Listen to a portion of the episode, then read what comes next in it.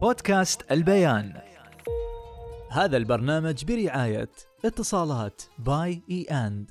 هل لرمضان وهل للخير معاه؟ أهلا بكم في خلاصة الحكاية. معكم حصة بن غويفة.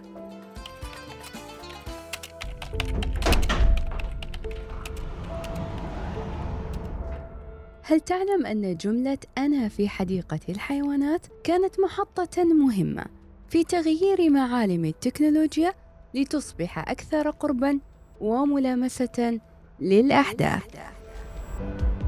تتصفح من خلالها الفيديوهات لرؤية مجريات العالم بمجرد ضغطة زر.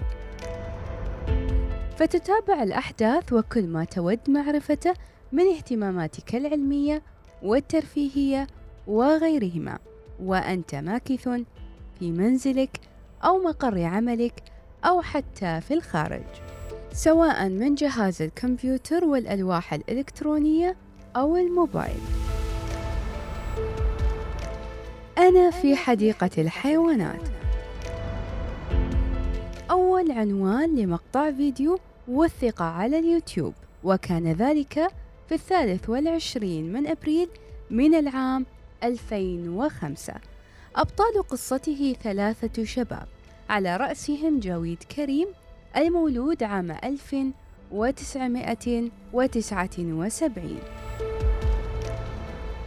من أب من بنغلاديش وأم من ألمانيا الشرقية.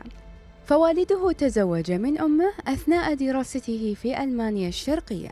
فدرس الابن الذكي في مدارس مرموقة قبل أن ينتقل إلى الولايات المتحدة لإكمال دراسته في ولاية كاليفورنيا. فساقه القدر بعد أن عمل لصالح موقع بايبال للتعرف إلى زميلين في العمل في نفس المجال وهما تشاد هيرلي وستيف تشان وهو مهاجر من تايوان هؤلاء الثلاثة كانوا حجر الأساس لولادة يوتيوب ولكن كيف حدث ذلك؟ في يوم من أيام العام 2004 كان الشباب الثلاثة يشاهدون المباراة النهائية في كرة القدم الأمريكية فأرادوا أن يوثقوا أغنية المغنية جانيت جاكسون خلال استراحة نصف المباراة. فاتجه هؤلاء الشباب للبحث في الإنترنت عن فيديو يوثق الأغنية لكنهم لم يجدوا شيئا. فبدأوا في التفكير بموقع متخصص في عرض الفيديوهات. كما أثارت تسونامي المحيط الهادي فضولهم في رؤية المشاهد المرعبة عندما أودى بحياة ربع مليون شخص. لكنهم لم يجدوا أي فيديو عبر الإنترنت يوضح هذه الكارثة. فعادت الفكرة إلى أذهانهم. وبعد شهور قليلة وتحديدا في الثالث والعشرين من أبريل لعام 2005 زار جافيد حديقة حيوان سان دييغو في كاليفورنيا وهناك التقط مقطع فيديو للحيوانات وحمل الفيديو في نفس اليوم على الإنترنت بعنوان أنا في حديقة الحيوانات. فكانت محطة حاسمة لانطلاقة أول مقطع لفيديو وثق على الإنترنت.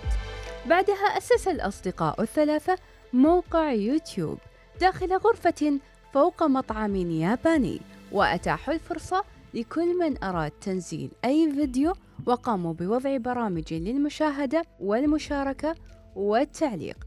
وبعد عام واحد من تأسيس الموقع وصل عدد مرات تحميل الفيديوهات إلى ستين ألفاً ونسبة المشاهدة وصلت إلى 100 مليون مرة. ونتيجة لهذا النجاح سارعت شركة جوجل في عام 2006 إلى شراء موقع يوتيوب مقابل مليار ونصف مليار دولار. هذه قصة إصرار الشباب الثلاثة في توثيق الأحداث التي تحولت إلى ثروة تدر المليارات. بودكاست البيان.